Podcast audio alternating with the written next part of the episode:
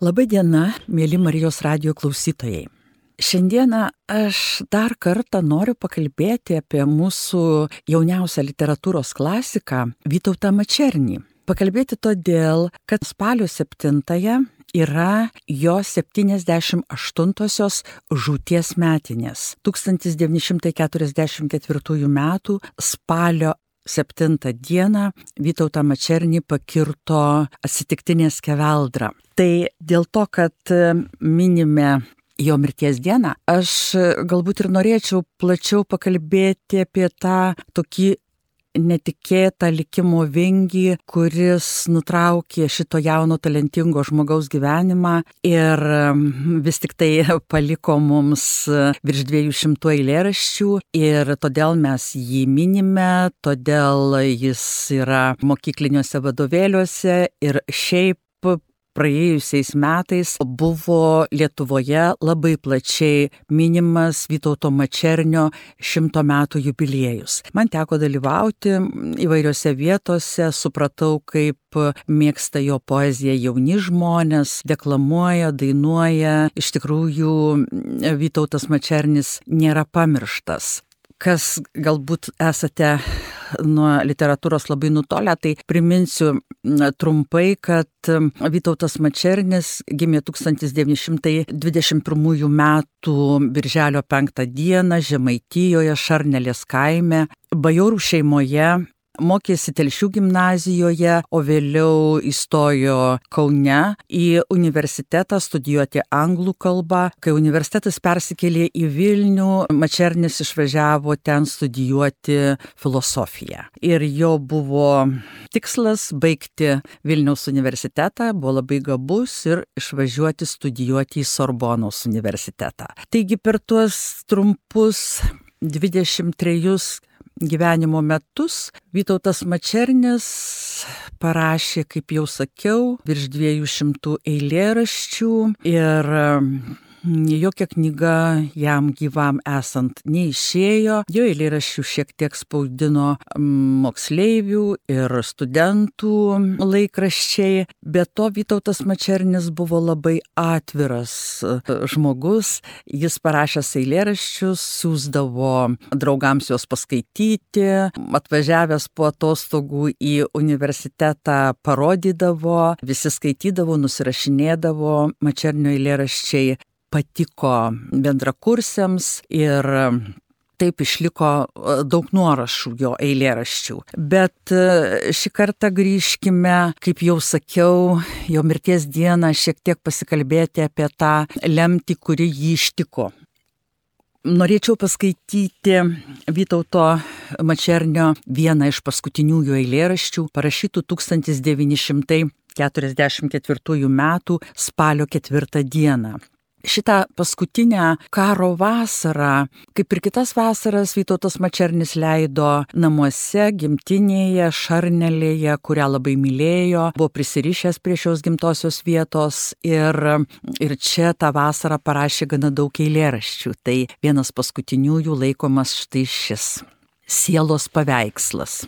Po žemu ir pilku dangumi aš einu palenkęs galvą ir mastau, kaip sielai artimi tie tušti laukai ir kalvos rudenio mėguistam nikume. Kojas vilkdamas drėgna žemė, prieinu lapuočių mišką ir stebiu, kaip ore tingiame raudoni, gelsvi, išbliškę, su paslapai, negyvi drugiai. Ir pusiau nusilapoja medžiai stūkso tartum kaliniai, nuplakti rimbu kandžiuoju, šalti kūnais virpančiais gailiai, ant jų kabant paskutiniams skarmalams.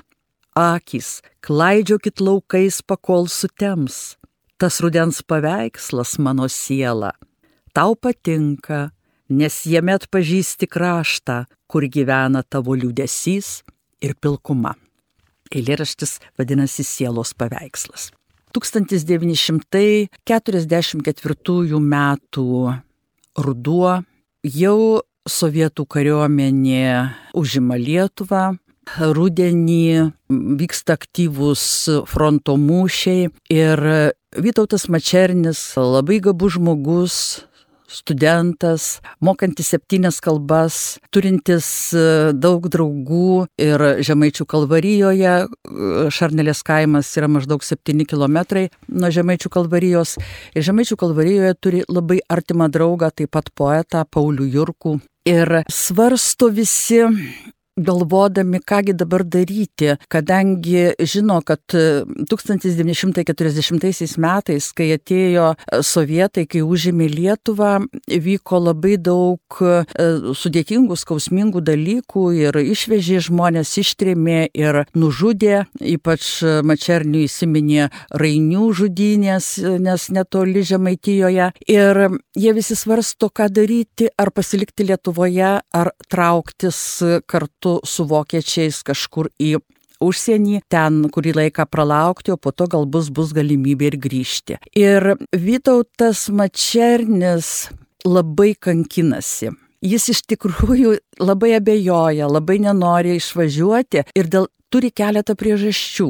Turbūt viena svarbiausių priežasčių vis tik buvo, kad jis labai mylėjo vieną mergaitę, studentę Bronę Vildžiūnaitę.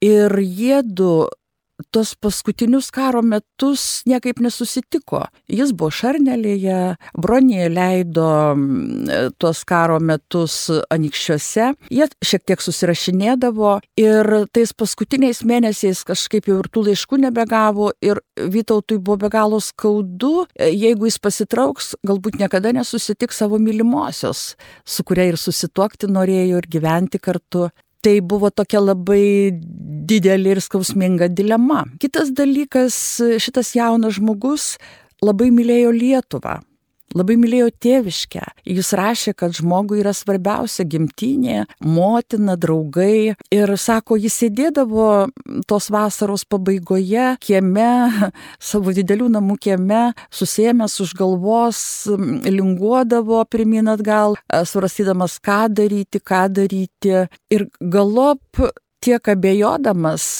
tiek besiblaškydamas, Vytautas tarsi kažkaip savaime, tarsi netyčia lieka Lietuvoje, nes tą dieną, tą spalio 7-ąją 1944 metų jau reikia trauktis, nes tai yra paskutinė diena, e, dar prie sėdos įvyksta dideli mūšiai, ten įsijungusi ir tėvinės apsaugos rinktinė, ten susirinkę Lietuvos savanoriai, vyrai dar bando kartu su vokiečiais atmušti rusų tankus, betgi tai neįmanoma, e, labai daug žūsta ir toks pasimetimas labai didelis ten tuose kraštuose. Vytautas e, atlėkė tą spalio 7 rytą kartu su Donatu Banioniu, aktoriumi, kuris irgi slapstėsi Mačernių sodyboje, atlėkė į Žemaičių kalvariją pas draugus, pas Paulių Jurkų ir visi jį skatina trauktis, kad tikrai tai jau reikia šiandieną trauktis, bet Mačernis sako, aš dar mes dar pareisime namo, aš neatsisveikinau su mama, nepasėmiau savo rankraščių ir tuomet atvažiuosime. Ir iš tikrųjų pareina jie namo, pasikinko arkliuką, susėda į vežimaitį su Donatu Banioniu, Vytautas į lagaminėlį susideda savo eilėraščių rankraščius ir jie važiuoja į Žemaičių kalvariją, bet važiuoja jau tuo laiku, kai vokiečiai yra jau pasitraukę, jų tankai jau išdundėjo ir kas su jais traukėsi, Žemaičių kalvarijos gyventojai ar kiti jau taip pat buvo pasitraukę, net ir Paulius Jurkus labai artimas bičiulis jau nebegalėjo Vytauto laukti. Ir Vytautas Mačernis e, Donatui Banioniui pasako, kad tu štai čia palauk prie kelio, aš vienas nulėksiu greičiau, nulėksiu į Žemaičių kalvariją, pasakysiu draugams, kad aš nesitraukiu, aš lieku. Jis iš tikrųjų Banionis lieka pakelėje, Vytautas Mačernis atvažiuoja ir visi langai jau uždaryti, visos durys užrakintos, žmonės išsigandę, vokiečiai jau pasitraukė, rusų frontas čia pat ir niekas nežino, kas čia toliau vyks. Ir Vytautas Mačernis atvažiuoja į savo geriausio draugo Pauliaus Jurkaus kiemą. Jurkaus mama pasako, kad e, Pauliaus nebėra, kad jis išvažiavo su dviračiu.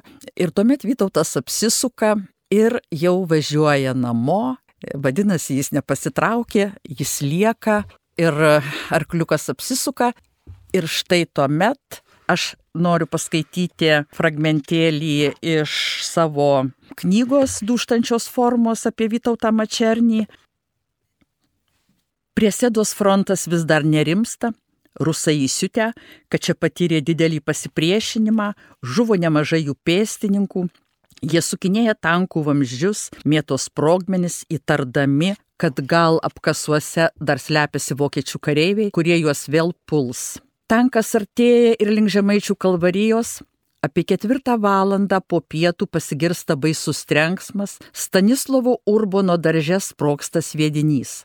Rusai tikrina teritoriją. Žmonės su išgaščiu praveria langus, duris, bando pasižvalgyti, ar kas nedega.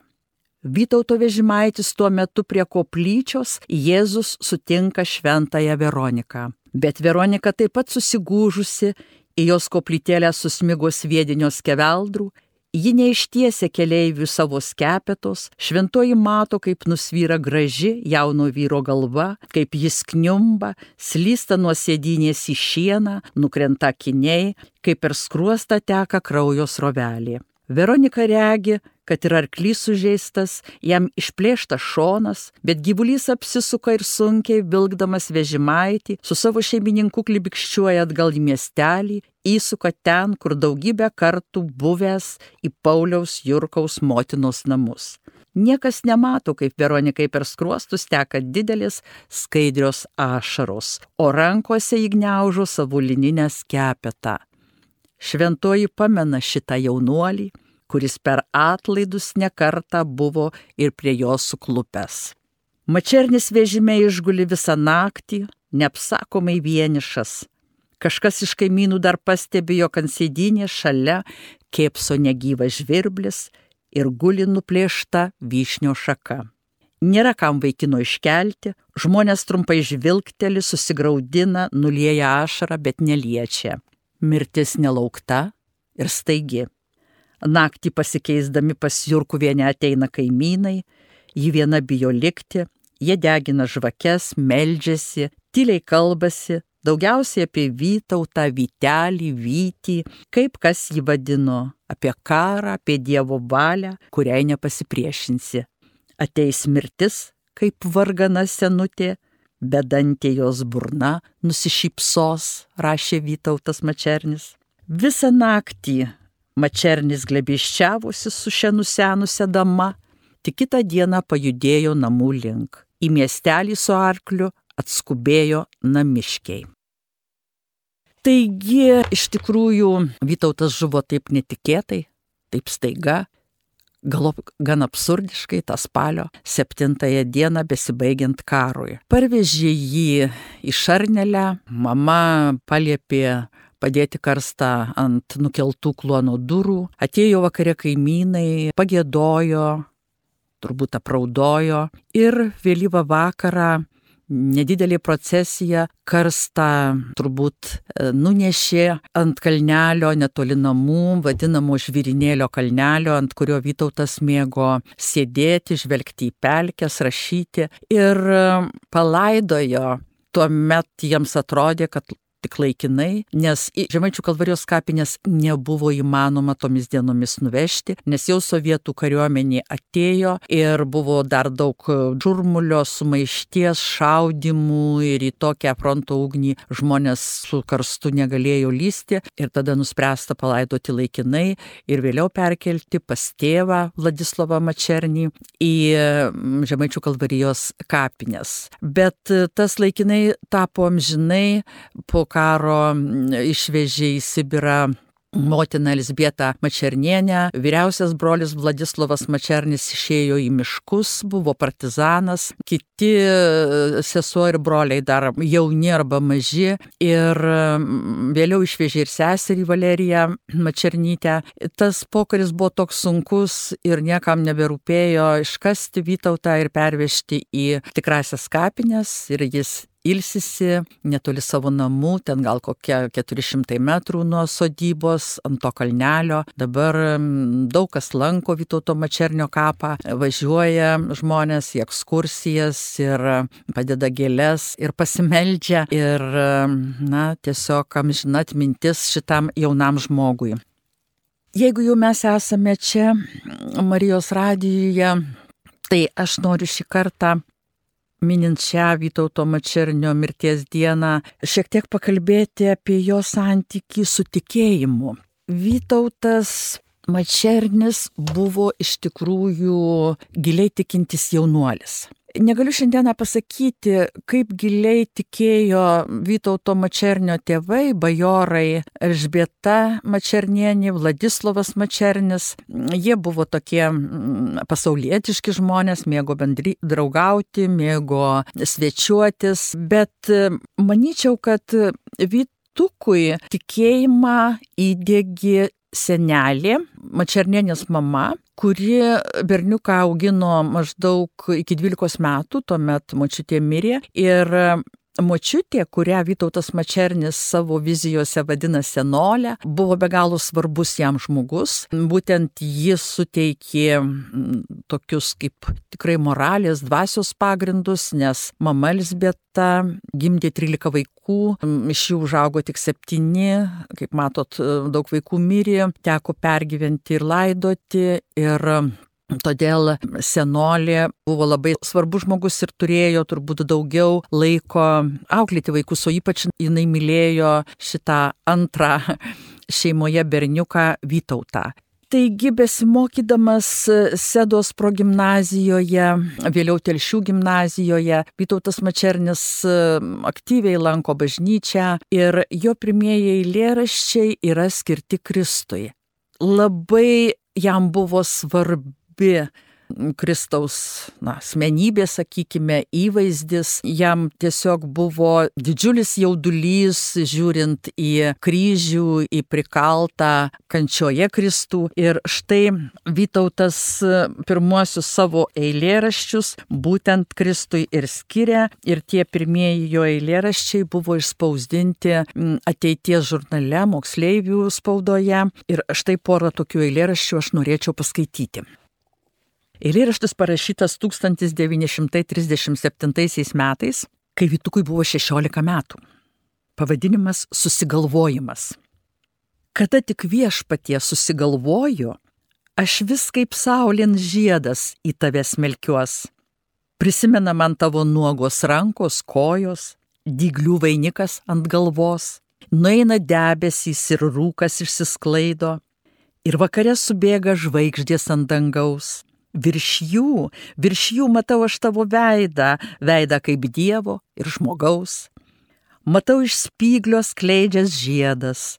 Jau greit, jau greit vainikas visas sužydės ir eina tautos išrinktos ir atmestos ir gėda gražiausią posmą iš šventos giesmės. Kada tenai ant kalvarijos kalno tas paskutinis niekšas kaltę apraudos, nebetekės daugiau kraujai iš tavo kojų, šono, rankų, delno ir žaizdos užsivers jau visados. Štai toks vienas eilėraštis ir dar vieną norėčiau paskaityti. Taip pat parašyta 1937 metais, jis vadinasi Laiškas Kristui. Mes parašysim Kristau, tau šį menką laišką, žodžius gražiausius iš pačios širdies, gal nesuprantamas, gal bus kitiems neaiškus ir žmogui mirusiam širdį lyg varpas neskambės. Šiandieną mylime tave mes Kristau, nes su tavim gyvent lengviau.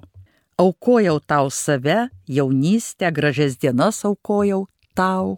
Tavi viltis, kai saulė teka rytą, kai žvaigždės blėsta vakare nebus mesijo mums ir pranašo nebus mums kito ir niekas niekad nepakeis tavęs.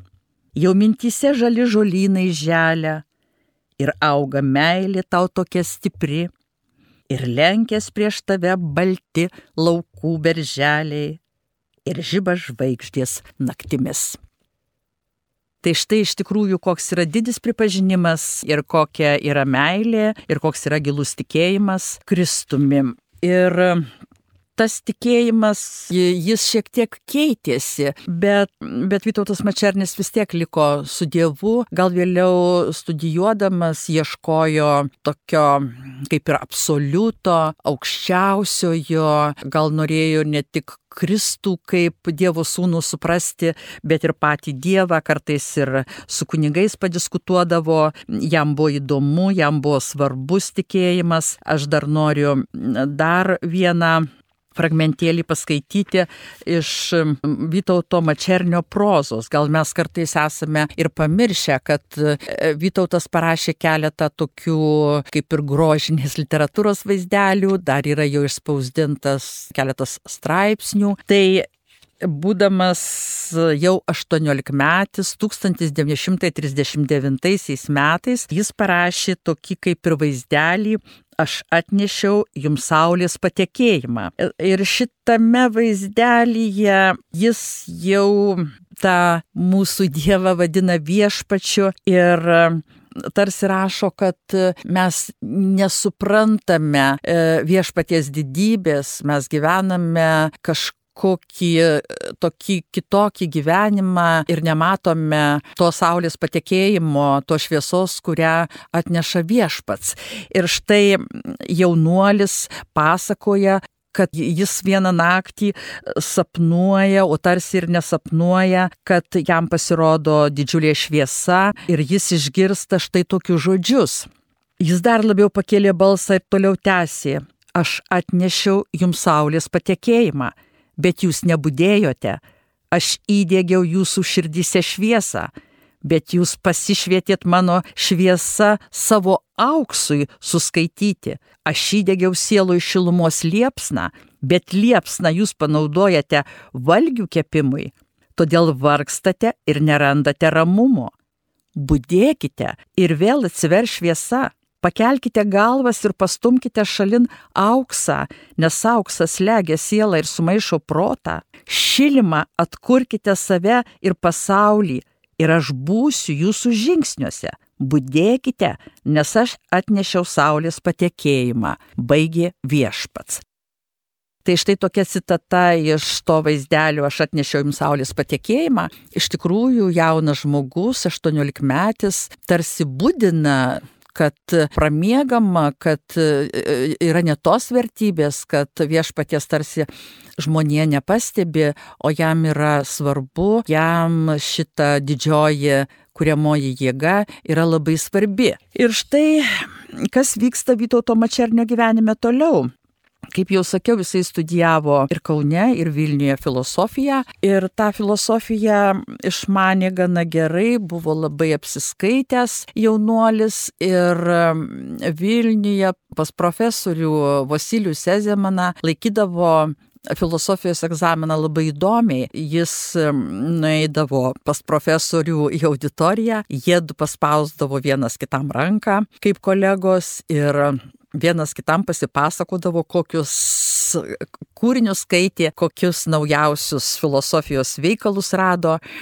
Ir pasišnekučiavę taip, išsiskirdavo, profesorius Ezemanas parašydavo aukščiausią balą ir tiesiog tokio pobūdžio būdavo egzaminas. Ir štai Vytautas Mačernis jau visas studijas buvo baigęs, gal dar likę keletas neišlaikytų egzaminų ir neparašytas diplominis darbas. Kai 1943 m. kovo mėnesį vokiečiai uždarė Vilniaus universitetą ir tuomet visos studijos pasibaigė, tuomet Vytautas Mačernis išvažiavo į Šarnelę ir ten praleido visą tą laiką iki savo mirties. Ir Mačerniui buvo likęs diplominio darbo rašymas ir jo apgynimas ir diplominis darbas vadinasi labai įdomiai Jėzus Kristus ir Friedrichas Nietzsche.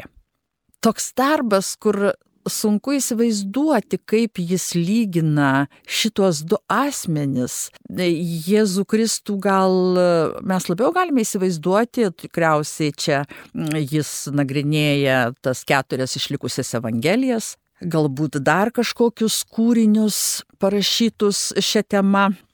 Už tai, kaip iš čia pristatytų ir lygintų Jėzų Kristų su filosofu Friedrichu Nietzsche, iš ties yra labai įdomu, nes žinome, kad Nietzsche mm, neigė Dievo buvimą, kad jis pripažino antžmogį, kad savo kūriniuose teigė, kad Dievas mirė ir taip toliau. Ir tuomet lyginti šitos du asmenis, manau, yra gana nelengva ir reikia didelio apsiskaitimo ir išminties. Ir tą Vytauto apsiskaitimą tai galima ir atsekti, būdamas būtent tėviškė tuos paskutinius gyvenimo metus, jis rašė šitą darbą ir iš ties labai daug skaitė, jis prašė, kad Bronė Vildžiūnaitė, jo mylimoji, dar būdama Vilniuje, atsiųstų jam antikinės literatūros, nes Nyčia nagrinėjo ir antikinę literatūrą, tai Vytautas ir rašo laiške broniai, kad aš turiu perskaityti viską, kas tik įmanoma, ir tą taip pat ir tą antikinę literatūrą. Ir be abejo, Mačernis buvo šito darbo, šito savo diplominio darbo gana daug parašęs, nes, kaip jau sakau, labai daug skaitė, tyrinėjo, norėjo apginti ir, kaip minėjau, išvažiuoti į Sorbonos universitetą, čia jų buvo abiejų su, su Sezemanu planas. Ir štai kas atsitiko.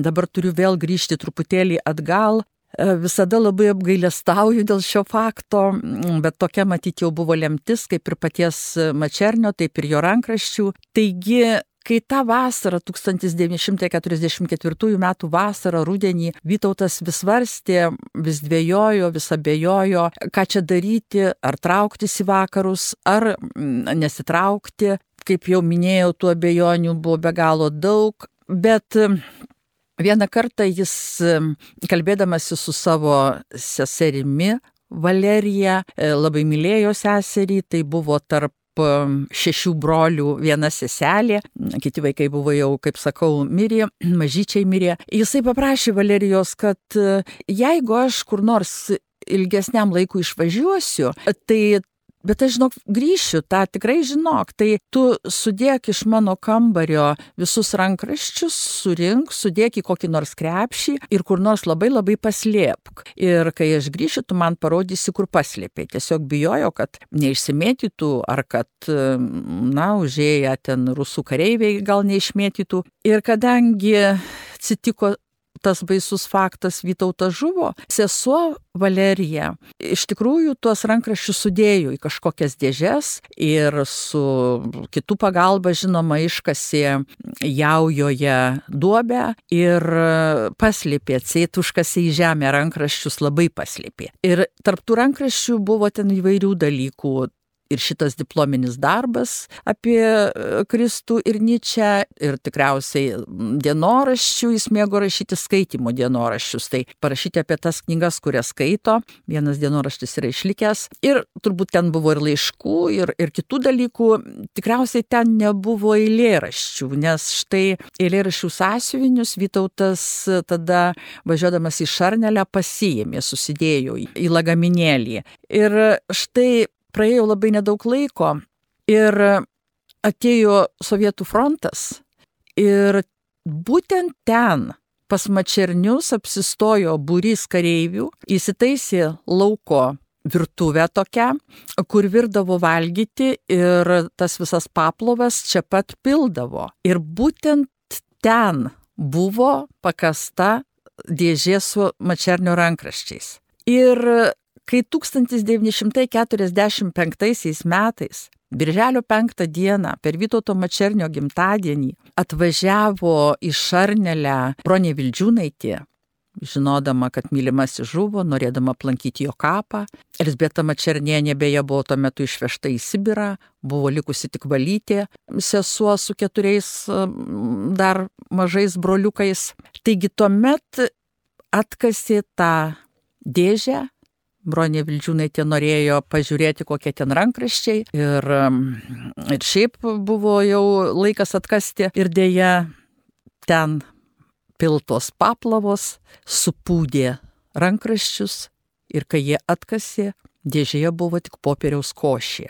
Taip pražuvo diplominis darbas Kristus ir Nyčia, taip pražuvo įvairiausių Vytauto Mačernio rankraščių. Tai žinoma yra didelė tokia, sakyčiau, netgi lietuvių literatūrai ir kultūrai prarastis nemaža, nes tai, ką yra Vytautas Mačernis parašęs, kas yra jo likę, tikrai viskas turi vertę, turi išmintį ir dar labiau atveria šitą jauną poetą, jo mintis ir jo siekius.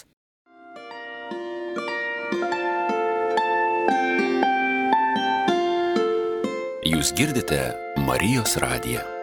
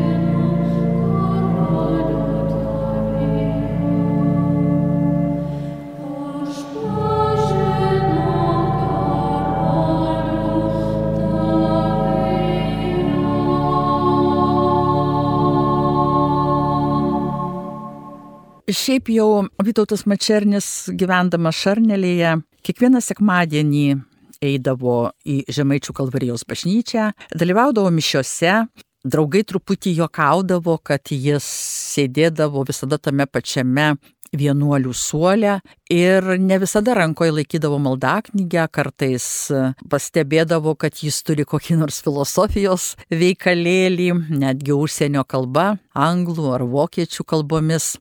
Labai žavėjosi vargonų muzika, visada atidžiai išklausydavo pamokslą, dalyvaudavo Žemaičių kalvarijos atlaiduose, eidavo su kitais savo draugais, su Paulium Jurkum, su Juozu Jurkum, eidavo tuos kalnus, klausydavo kaip gėda. Žodžiu, tikėjimas Vytautui buvo svarbus, tik tai, kaip jau sakau, galbūt nuo to vaikystės, paauglystės supratimo Jėzumi Kristumi vien remtis, vėliau jau atsiranda, na, toks, kaip skaičiau, ir viešpaties vardas, ir Dievo, ir tas supratimas tampa platesnis, jis jau nori padiskutuoti kartais ir su Žemaičių kalvarijos kunigais, ir su draugais, vis tik jis filosofas ir jam yra daug dalykų svarbių. Mes kartais sakome, kad Vytautas Mačernis toks tarsi apolitiškas, tarsi neparašė eilėraščių apie laikmetį, apie to meto įvykius. Vytautas ieškojo gyvenimo prasmės, jį domino kiti dalykai, tokie filosofiškesni, kasdienybė tikriausiai jam į poeziją kažkaip ir netilpo, bet negalime sakyti, kad jam nerūpėjo kai kurie dalykai, kurie yra susiję su Lietuva, su tėvynė, jam tas iš tikrųjų labai rūpėjo. Ir aš čia net noriu paskaityti vieną eilėraštuką parašyta 1944 m. Birželio 8 d. per Dievo kūno šventę malda į šventąjį Kazimierą. O Kazimierai šventasis, kai tauta pavojui bus, ar išvesi kaip panasik pergalės kovon pulkus? Ar tu leisi, kad baltoji mūsų žemės lelyje po raudono žirgo kojom būtų amžiam sutrypta? Ją tvirtai laikyki rankoj, dengdamas globos skydu, te praūžė ją aplenkę visos audros iš rytų. Kaip matome, Vytautui Mačerniui rūpėjo tos audros iš rytų, kurios ateina ir jis iš ties su draugais daug kalbėdavosi, kad jeigu vėl ateis sovietai ir galbūt pasibaigus karui, galbūt sąjungininkai, amerikiečiai, anglai kitaip dalinsis Europą, gal Lietuva, visas pabaltijas teks ne Rusijai, ne Sovietų sąjungai, galbūt pavyks atkurti Lietuvos nepriklausomybę, jie turėjo įvairių svajonių ir įvairių įsivaizdavimų. Deja, kaip žinome, viskas įvyko kitaip. Ir dar mane labai žavi toks Vytauto Mačernio straipsnis, toks pasisakymas, kurį jisai skaitė savo bendrakursiams pavadinimu Mūsų gyvybės upė. Ir ten buvo kažkoks seminaras ir jisai universitete perskaitė šitą savo paskaitą ir jinai yra išspausdinta ir aš labai žaviuosi Mačerniu dėl to, kad vis tik tai čia jam skaitant tą paskaitą yra Mm, viso labo 20 metų, o jisai kalba apie Lietuvą, kaip ją įsivaizduoja ateityje, ką reikėtų daryti jaunimui, kaip reikia išsilavinti, mažos tautos atstovų reikia išmokti daug kalbų, reikia galvoti, kokia ateityje bus Lietuva ir kas jai vadovaus. Ir Vytautas Mačernis įsivaizdavo, kad Lietuvai turi vadovauti poetai, išsilavinę apsiskaitę, aukštos dvasios, aukštos moralės. Ir vadovauti ne ekonomikai, ne žemės ūkiui, o vadovauti tarsi tautos dvasiai, tas gerasias idėjas pateikti ir jisai taip įsivaizdavo, kad kažkada bus ir kažkokia bendra Europos taryba ir jis norėtų tai tarybai priklausyti ir ten dirbti ir kad bus aukšta tai įvertintas ir prižiūrimas žemės ūkis, nes lietuviai yra žemdirbių tauta, bus vystoma ekonomika ir bus, kaip jau sakau, vadovai, išsilavinę žmonės, menininkai, poetai, apsiskaitę. Jis vajojo tokiu būti ir jis ruošėsi tokiu būti, nes, kaip jau sakiau, mokėjo septynias kalbas, geriau ar blogiau, be galo daug skaitė, nes teigė, kad tie žmonės, kurie ateityje vadovaus Lietuvai, jie neturi būti siauro išsilavinimo. Jeigu yra poetas, tai jis ne vien na, kaip koks petskelis rašas eilės, sakė Vytautas, bet jis turi išmanyti viską, jis turi domėtis ir fiziką, ir astronomiją, ir gamta, ir, ir įvairiais visokiais dalykais, kiek jis tik pajėgia, nes žmogaus išsilavinimo plotis yra neapriepiamas ir čia negali sustoti ir, ir visą gyvenimą reikia tobulėti. Tai šitame straipsnėje, šitoje paskaitoje jis iš tikrųjų labai daug savo minčių pasakė apie Lietuvą, apie jos ateitį, įsivaizdavimą ir pats įstatė save į tos Lietuvos ateitį, į Lietuvos būsimus uždavinius. Tai dar irgi viena iš priežasčių, kad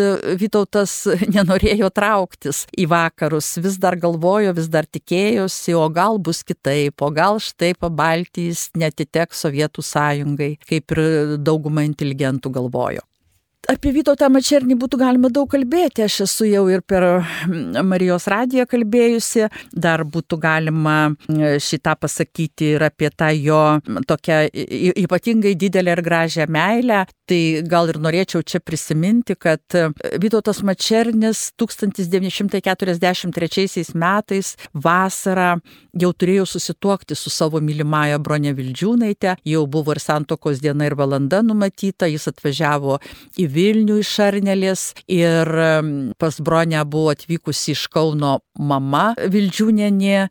Ir motina nežinojo, kad štai vaikai ruošiasi susituokti ir ją ištiko šokas, ji pradėjo raudoti, tiesiog prieštarauti labai ir Bronė pasakė, susitoksime vėliau, aš nenoriu nervinti mamos. Ir taip Mačernis, toks labai aiškeregis, labai numatęs daug ką savo ateityje, jis pasakė, kad mes tuomet niekada nesusitoksime. Taip ir atsitiko.